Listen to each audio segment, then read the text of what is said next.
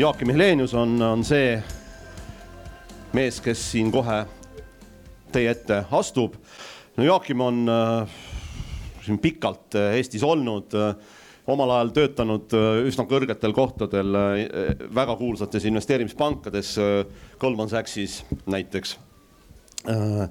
investeerinud Eestisse, no ma julgeks öelda, kus kümneid miljoneid eurosid äh, nagu minu jaoks natuke ka visionääri moodi, ma mäletan Äriplaani äh, laval teda juba aastaid enne, kui see teema üldse nagu aja, ajakohaseks nagu muutus Eestis, rääkis ta Tallinn-Helsingi tunnelist. noh, jumal sa tead, kas seda tulebki, aga, aga, aga ta on selline julgete avaldustega varem silma torganud ja Joakim äh, täna räägib sellest, et kuidas siis, kuidas siis rikkaks saada, et ma ei ole, ma ei ole kokku löönud, et võib täna, võib keegi võib küsida, palju ta netoväärtus on. et kui, kui varadest kohustused maha võtta, aga, aga kindlasti see Joakim oskab sellest rääkida. Joakim, floor is yours, please. Thank you.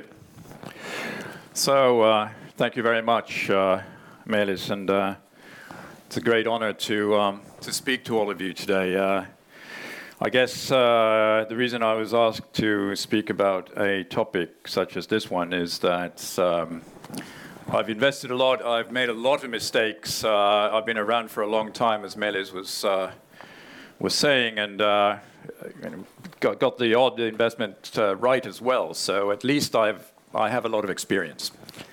And um, if uh, if I had to go back in time and say, uh, you know, what did I do wrong? How could I have been even much more successful? I would say that uh, what I did wrong was I failed to listen to advice. I did not really take on board what other much more experienced people were telling me. I had to do everything myself trial and error, and there was a lot of error involved in this trial and error. So, uh, had I done a better job of uh, listening to uh, the advice given by people who had more experience, those close to me, but also those maybe speaking at a conference, I probably would have made fewer mistakes and I would be far better off today than I am. So, uh, uh, what I'll try to do is I'll try to pass on to you a few of the uh, few of the lessons I've uh, picked up over the years and uh, a little bit of my sort of view of uh, of what it takes to be to be successful. I don't know about getting rich, but uh, if you're at least successful, then you're on the on the way to uh, having a better life than, than of course you would have if you're not successful. So it's it never it never hurts. Um, in terms of uh, you know looking around here, I would say that uh, the average age uh, of, uh, of the attendees at this, uh, at this gathering is uh, substantially lower than mine. So uh, um, I maybe had an easier life. My generation lived in an era where uh, things were constantly getting better.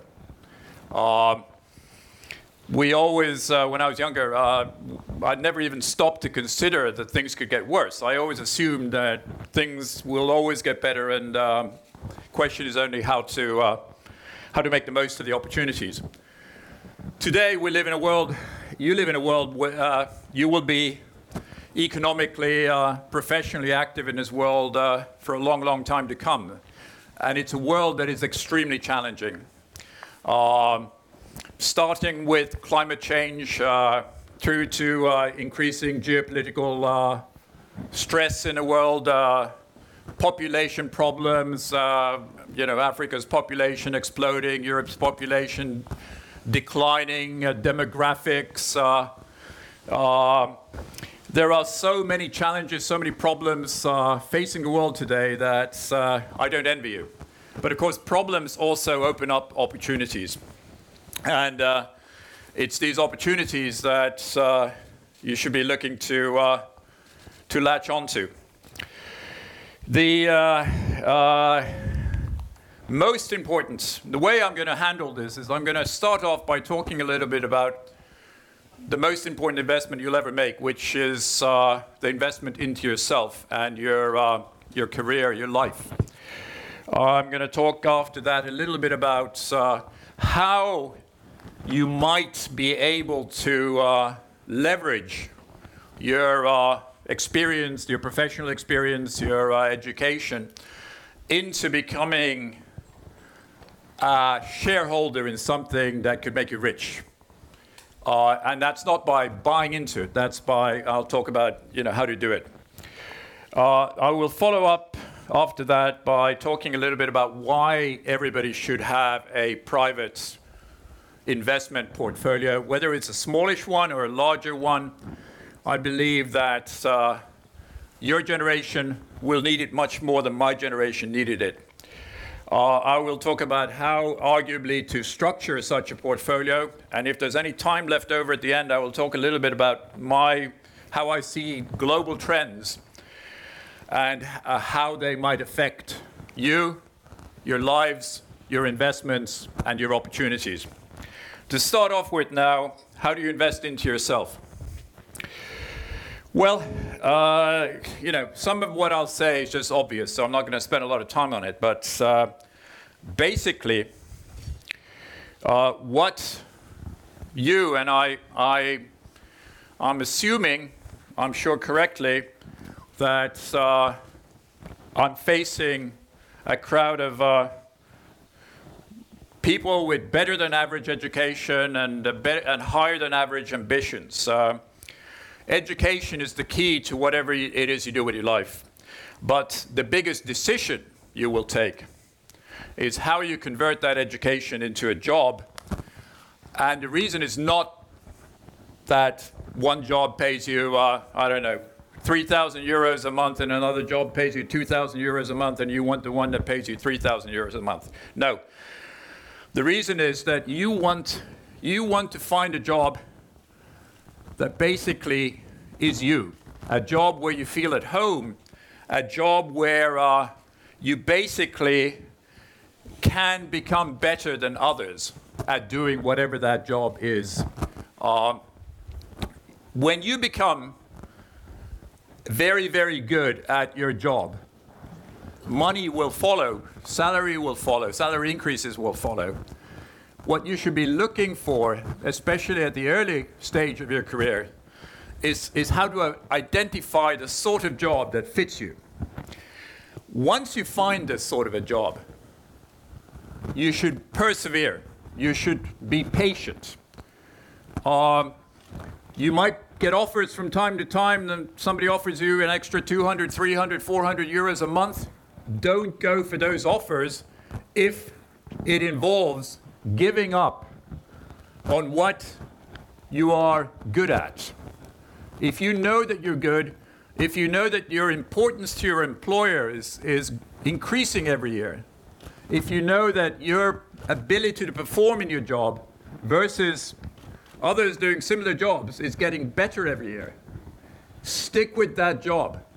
In the longer run, you will make much more money than if you jump jobs for an extra 200, 300, 500, or even 1,000 euros a month. So uh, find yourself, find a job that you not only like, but where you are good. And if you do that, you will find that your importance to your employer will get bigger and bigger, and your employer will start to talk to you about you know, what it takes to hang on to you. At that stage, you don't need to worry about money. However, this is not going to happen in, during a period of, over a period of six months, 12 months, or 18 months persevere, be patient. It takes time. You're not going to become God's gift to mankind or your employer in a short period of time. You will need to show and prove loyalty and performance. Now, the, uh, the question of why should you do that? Why should you persevere? Especially if maybe you are aware of the fact that there are jobs elsewhere that pay more. You might not like them, they might not be exactly what you think you're best at, but they pay more. Why not go for those jobs? Well, if you are ambitious and if you're willing to take a longer term view of what you want to do with your life. The fact is that if you have the right job and you're working for the right sort of employer, I believe that we live in a world where a lot of so called startupping will increasingly be done by companies that want to attract and retain the best people. My own company, Trigon, for example, we're in good shape. We can afford to give people the chance of becoming partners in new businesses that we start up that are related to what, what we know, what we're doing, what, what the businesses we're active in. So um, when I was listening to Rain Rannu, he said something very interesting. He said that uh, when, uh, when he looks at, uh, at people who come in looking for money from his fund, um, if, it's, uh, if it's in a sector that he knows very, very well, he is much more skeptical, maybe, than he is uh, if it's in a sector that he doesn't know so well. Because the better you know something, the more you know about a sector, the more you realize how risky it is. Business is risky. Every sector is risky. Success, in my experience, over the long period of time that I've been, been active in business, success, however, comes in those sectors that you know inside out. Uh, if you are a, a media man and you want to do something new, you have a great startup idea, I very much hope it's in the media sector and not in uh, growing grasshoppers or something, because you're much more likely to succeed in your own sector, in something that you are very good at, that you have inside knowledge about. The world today is full of young people who want to be entrepreneurs, who want to do startups. However, they normally go off and try to be startup entrepreneurs before they know enough about the particular sector, the particular idea that they, they're looking to, uh, to start up a business in. In fact, when you think about it, wouldn't it be better for a country like Estonia if existing businesses would be encouraged to help exceptionally talented people working in these businesses to start up new businesses that were related to the existing businesses? The likelihood that these new startups would be successful is probably much, much higher. Rain Rannu again uh, rubbished the claim that 90% of startups fail. I don't know. You hear so many statistics. Uh, I don't know what percentage of startups succeed and what percentage of startups fail. But you know, we do know that the vast majority of startups fail, and many of those who don't fail don't particularly succeed either. But what we do know is that, and this is based on American statistics, if you have started a successful business before, the chance that you will succeed is two times higher than if you are a startup founder who has failed before. Which again doesn't mean that you should not try if you have failed, because even if you have failed as a startup entrepreneur, you are still much more likely to succeed with a new startup than if you're a first time startup entrepreneur. So, there is nothing wrong in trying to start up new businesses.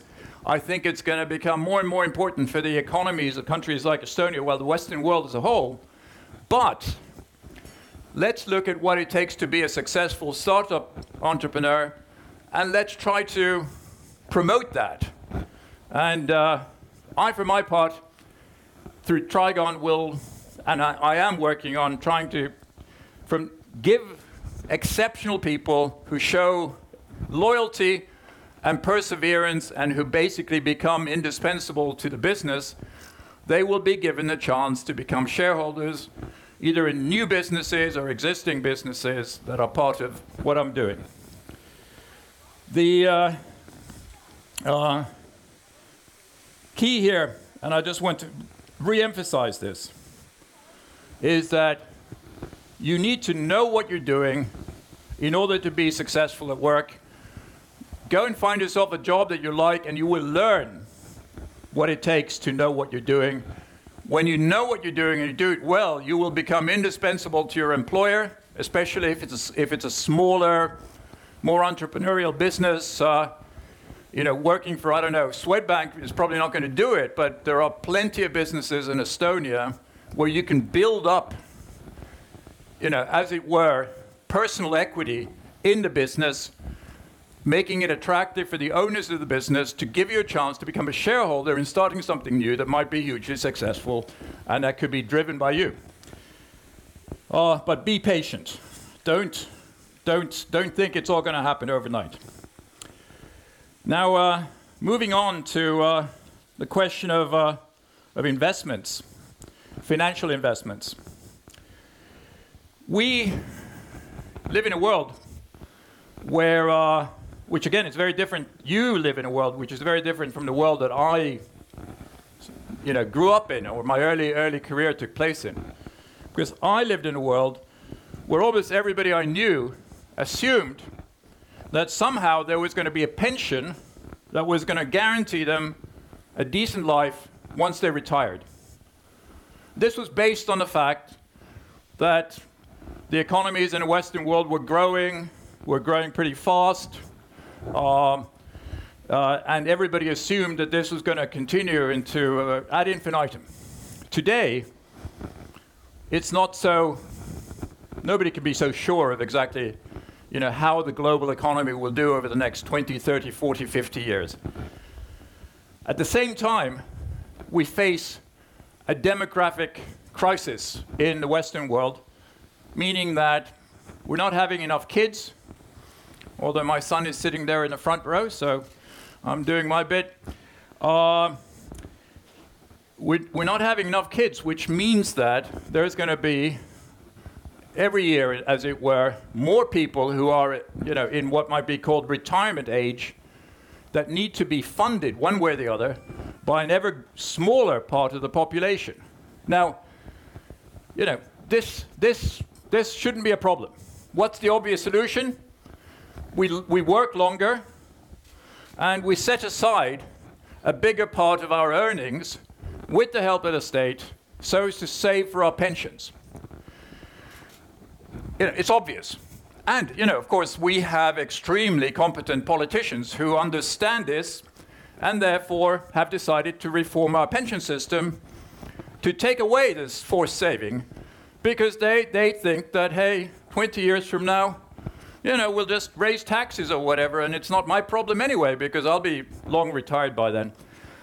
So uh, we have basically ended up in a situation. I don't know how, how the pension reform will end, end up, uh, uh, what will end up happening, but it's pretty clear that you mustn't assume, even now when you're young and you don't really think a lot about your retirement and your pension, you mustn't assume that there will be somebody else somewhere, the state or uh, some sort of a, a, a second pillar pension fund system that will secure your retirement.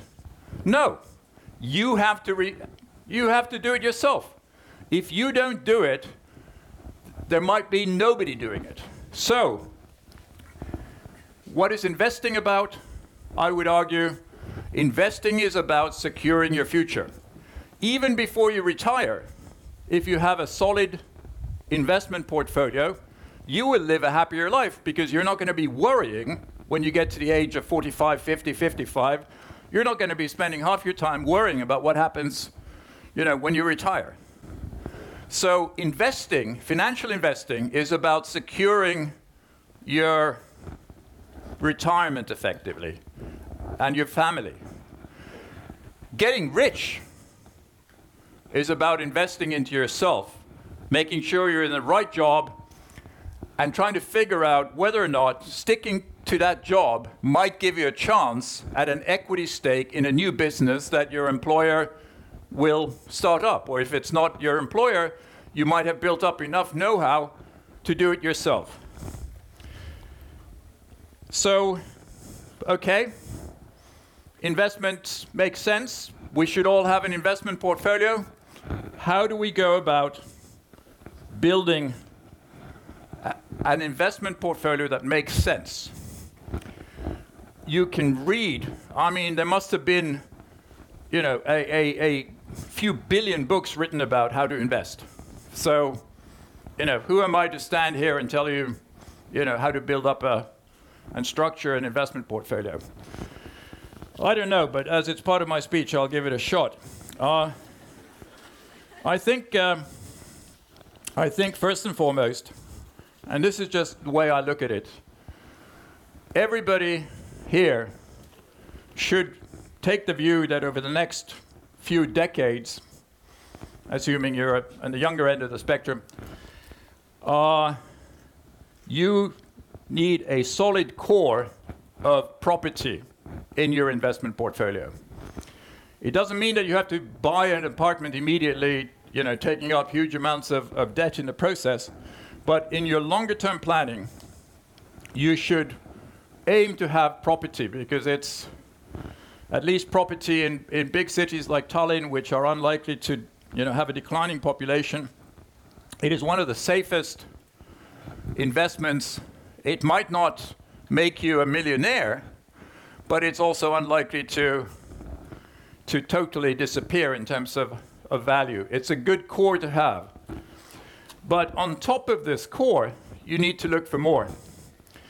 Of course, you know, we all, we all talk about you know what's uh, what's available. I mean, we have uh, we have uh, you know bonds, uh, we have equities, uh, we have of course funds that invest into equities, funds that invest into bonds. We have private investments, such as uh, you know venture capital investments, angel investments, friend and family and fools investments. all kinds of opportunities to, to invest our money, even smaller amounts of money my own uh, my own uh, uh, way of uh, of of, uh, of seeing it as, as we stand here now, and then you know, of course, over five years, ten years, whatever, things might look different. But at the moment, I don't see why anybody should invest into into bonds per se.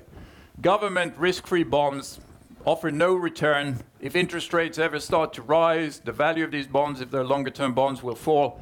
Why on earth put money into bonds? I, I, you know, I just don't understand it. I can see why some big institutional investors have to have part of their portfolio in bonds as a sort of liquidity measure and so forth. But for a private investor to invest into bonds just doesn't make sense. Somebody might say, well, what about junk bonds? You know, low credit bonds. Well, yeah, they give a higher return, but the professionals who invest into junk bonds, they do it because they know exactly what they will do if the company runs into trouble. They analyze these bonds from the point of view of how much can you extract in terms of value from these, from these companies if they go bankrupt.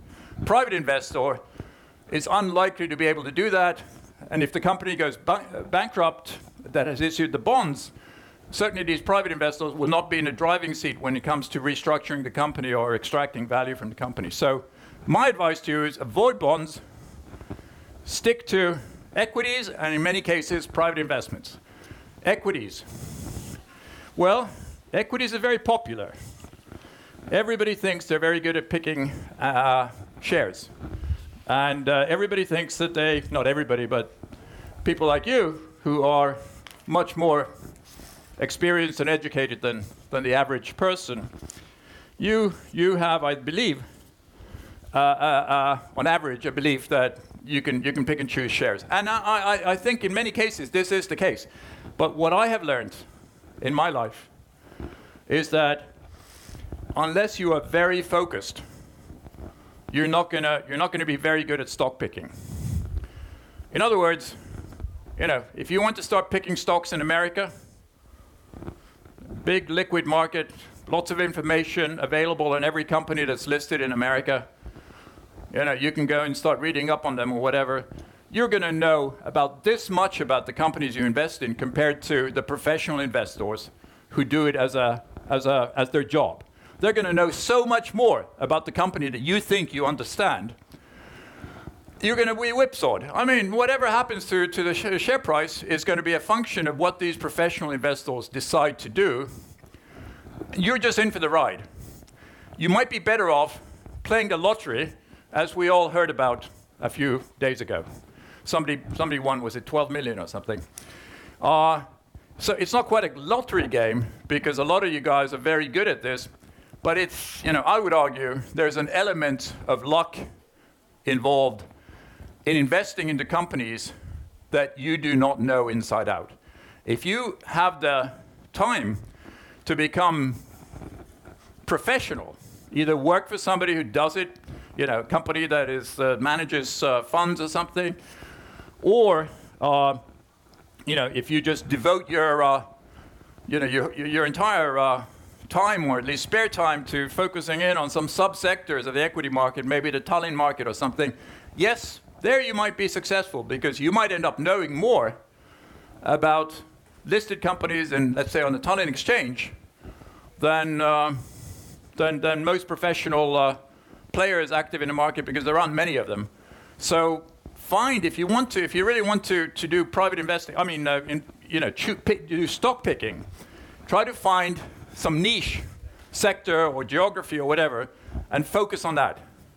And, you know, and then time will, time will show whether or not you are uh, you're successful. But if you don't think, if you really don't think that that's what you want to do with, with your spare time, if you'd rather go out and meet friends and, and party and stuff, then probably you should be looking at funds and you should be trying to pick, choose the sort of funds that might uh, outperform. Because we're talking here about long term investing um, with an eye on your eventual retirement.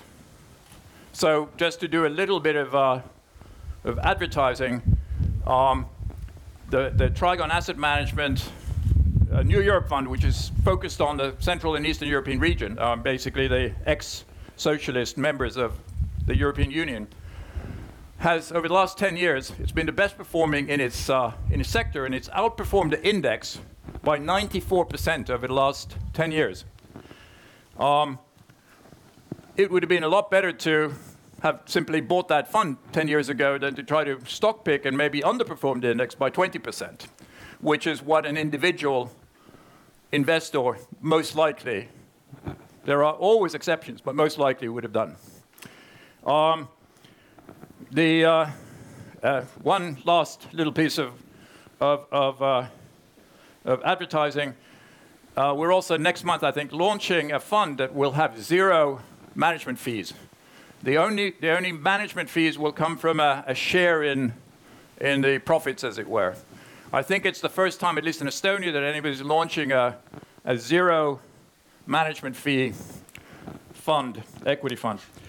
So uh, um, whether it's, uh, it's equities or, for that matter, private investments, funds are often a, a better way of, of investing your money over a long period of time than doing it directly. But it might not be as much fun. So I'm not saying don't do direct investing because you might, it might be a great hobby to have. But I'm just saying, if you do, don't expect to outperform good professional managers. And uh, the more niche a market is, the more likely you are to be able to find managers who can outperform the index. The bigger the, the market, like, you know, to try to get somebody to outperform the, you know, NASDAQs or, or, or uh, Dow Jones uh, indices, that's difficult. But these smaller indices like New Europe or uh, some sectoral indices or whatever, there a good manager might be able to uh, consistently outperform. Um, the, uh, um, in terms of uh, just very briefly, private investments, it's a hobby. If you really like it, do it. Um, it's very risky more likely than not, you will lose your money. Therefore, uh, clearly, it makes more sense to have a portfolio than to, uh, than to, to just pick individual stocks. Again, the reason you're likely to underperform, the reason you're likely to lose your money is because more likely than not, you'll be investing into something you know very little about. To be successful in investing, you have to know more about whatever it is you're investing into than almost everybody else. That's when you have a good chance of being successful. It's no guarantee of success, but it's what makes it more likely that you will be successful or outperform, as it were. Now, uh, I think I'm out of time, so I'm going to leave out this uh, trends section. And. Uh, oh, okay. Okay, well then I'll, I'll, just say a few few words about about the trends that I, I believe will be governing the world that we we live in, uh, and that we will be living in over the coming 10, 20, 30 years.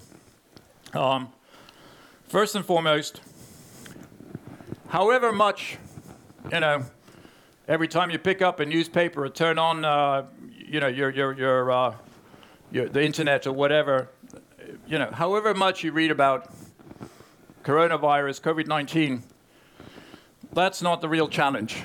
The number one challenge we are facing going forward is climate change. Climate change will change everything. It's going to change the whole world we live in, and it's getting worse, and it's getting worse fast.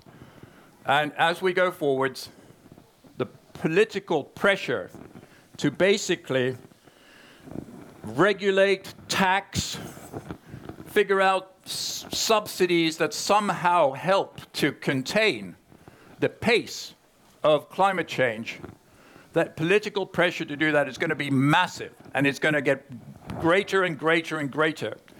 We live here in, uh, in Estonia. This is a typical summer's day. We might not think that there's anything really, really wrong with the world, but you know, trust me, when you, when you start looking at the, um, at the mega, mega statistics, uh, at what's really happening in the world, uh, it's bad. The extremes is where we see it the most. So the really cold parts of the world, the really hot parts of the world.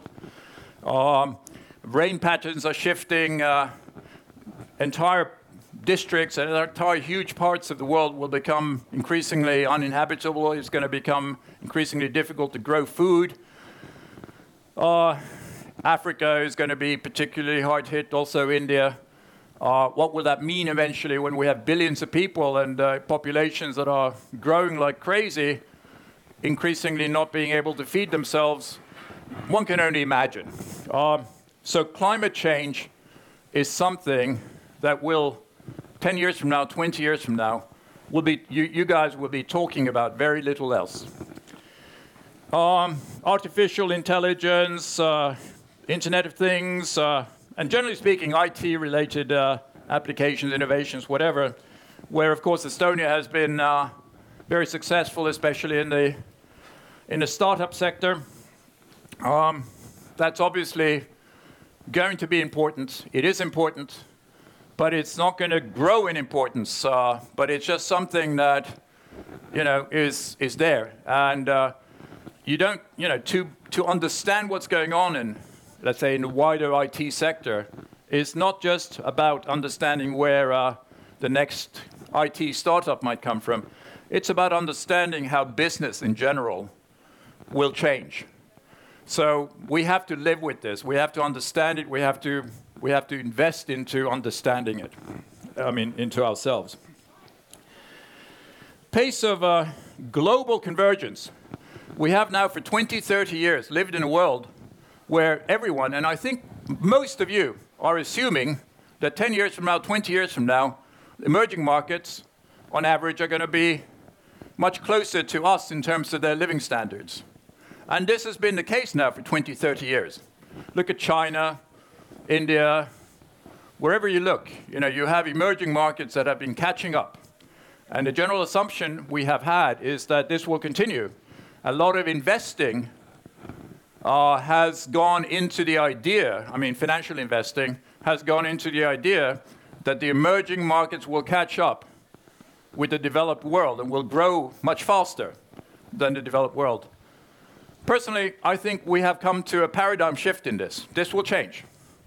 And uh, unfortunately, because it's going to lead to enormous problems in terms of how to deal with, you know, you know, five sixths of the world's population that is no longer catching up with the West. The reason for this is that, and it's also to do with, let's say, what we're talking about when we talk about IT and so forth, science, scientific uh, uh, advances. The, the, the, the value, the price of knowledge, of, of scientific knowledge, economic knowledge, and so forth, is rising, uh, as is the price of capital, availability of capital, is rising versus the price of labor and resources. So, in the longer run, oil and metals and all these sort of resources that were driving the boom in the emerging markets, these prices will not rise as fast as the price of you know, knowledge. Look at how the global stock markets are recovering uh, after the, well, certainly the first phase of the coronavirus crisis.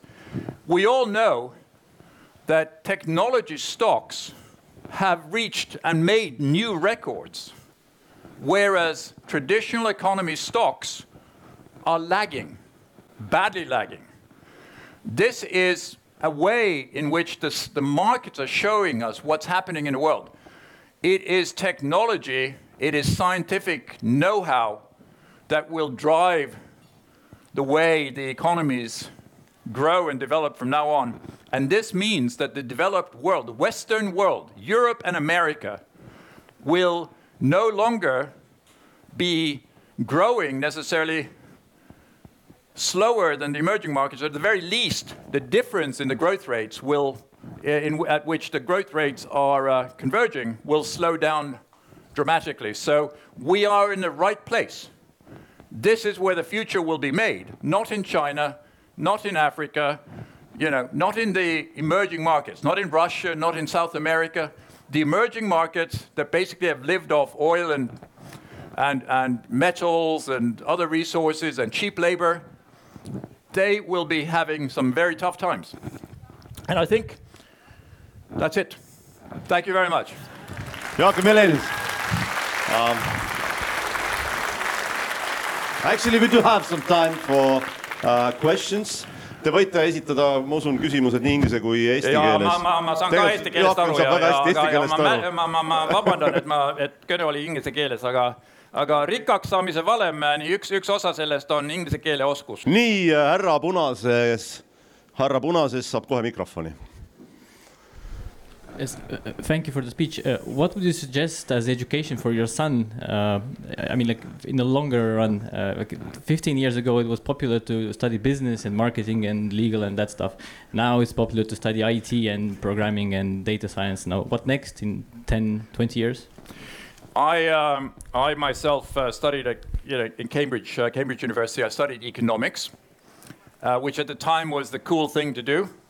Um, with uh, Maxi here, uh, we've been talking about, you know, I mean, if he's smart enough to, we, we you know, the dream is MIT, uh, some form of technology, whatever it may be. I think it's the hard sciences that matter. So he's lucky enough to, to be a Reaalkool boy. And uh, uh, if, he, if he does well there, then hopefully he can go to a top sort of uh, technology university in the world. That's where I see the future lying. Knowledge, as I was saying earlier. Um, soft subjects, and economics even is a, I would argue, is a, a pretty soft subject. Soft subjects are yesterday's story. It's the hard subjects that are tomorrow's story. Nii, järgmine küsimus, meil on muidu pärast Joakim valib välja, kes saab selle Michael Lewis ja Wall Streeti pokker raha hinna hinnaga äh, raha äh,, raamatu, palun. Joachim, uh, I listened to your uh, speech and I realized that I've done a lot of things in my life wrong. Uh, uh but what would your advice be for those people who uh, want to start up their own business? And obviously, in, in many of these cases, you can't keep your own investment portfolio and do your own business. Uh, you have to sacrifice something to start, start up something new. So, what, what's your advice for the people who want to become uh, entrepreneurs themselves? Well, you know, my advice, um, uh, as I was sort of implying uh, in, in the speech, is uh, is that if you feel really, really, really, really confident and you have something, some sector that you know a hell of a lot about, you're just very, very knowledgeable about this thing, um, and you have a lot of money saved up, go and try to set up a business on your own. But uh, but it's uh, it's not easy. For the first two years after I set up my own business, I didn't take a single paycheck. It was all just paying money uh, out of my pocket, not only for me, but all the other people who worked for me. So.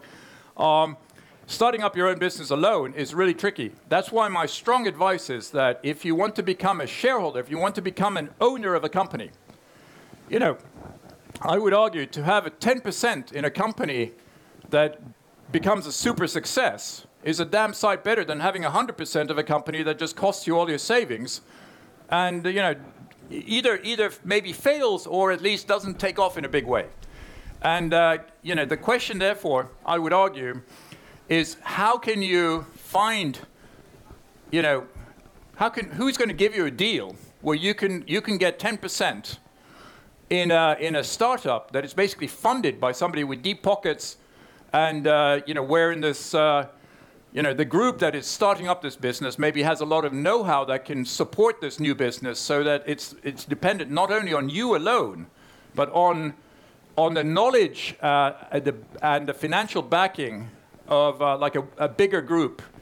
I think that's the future. I mean, I really believe that uh, the probability of such a business, if you yourself are, uh, you know, really, really, you know, you really are the right guy to do it, and then you, you, you are either more likely working in that business already, or, or you know, uh, but uh, you find a business that uh, is willing to back you, and they say, okay, listen, you know, you can have 10 percent uh, you don't have to really risk your savings or anything. We'll give you 10% because it's your idea. You're willing to commit to it. You're willing to maybe you know work the first two three years uh, you know in this business, uh, taking a, a, a, lower salary and so forth. You know, we'll back you. Now, that's what I would advise. And the last question goes to. Um, I wanted to get your ideas about universal basic income as a trend and whether it would be a big thing in the future as we're moving towards more automation and robotics. Thank you. Well, uh, excellent question, and um, uh, I, I, I don't believe in it, uh, and I don't believe it for uh, for uh, you know a couple of uh, of, of, reasons. one is that it doesn't seem to me that the Western world is short of jobs. So yes, you know, automation is there. I mean, the number of people working in, uh, in industry has uh, dropped dramatically. I mean, it used to be uh, when I was uh, young, uh, I think, you know, half the population or whatever worked in industry. Now it's, uh, you know, it's maybe 10, 15%. Just like agriculture, you know, back in 100 years ago, it was maybe 70, 80% of, of, of, of people working in agriculture. Now it's maybe 2 or 3%. And you would think, you know, what, what's everybody else doing? Funnily enough, our free market system is generating huge numbers of, uh, of service sector jobs of all sorts, and everybody's complaining about a, a shortage of labor here in Estonia and, and most other Western countries. Now, uh, you know, so I don't believe, I think, you know, if, if this universal basic uh, um, uh, wage, uh, I think it would be a catastrophe. I mean, it would basically mean that people who otherwise you know, who, who might not be, you know, the sort of people who are going to start up companies or whatever, but, you know, can st still do a job, can still be useful in society. Instead, they'll just sit at home and drink beer or something. Um, so I'm against it. And well, and then the last short question, and uh, yeah, the foreign stock to buy right now. What, the yeah. foreign stock? Yeah, yeah. The foreign Beside stock. Beside Tesla. Well, over okay, but over what time horizon? Are you talking long term or like a speculative uh, short term?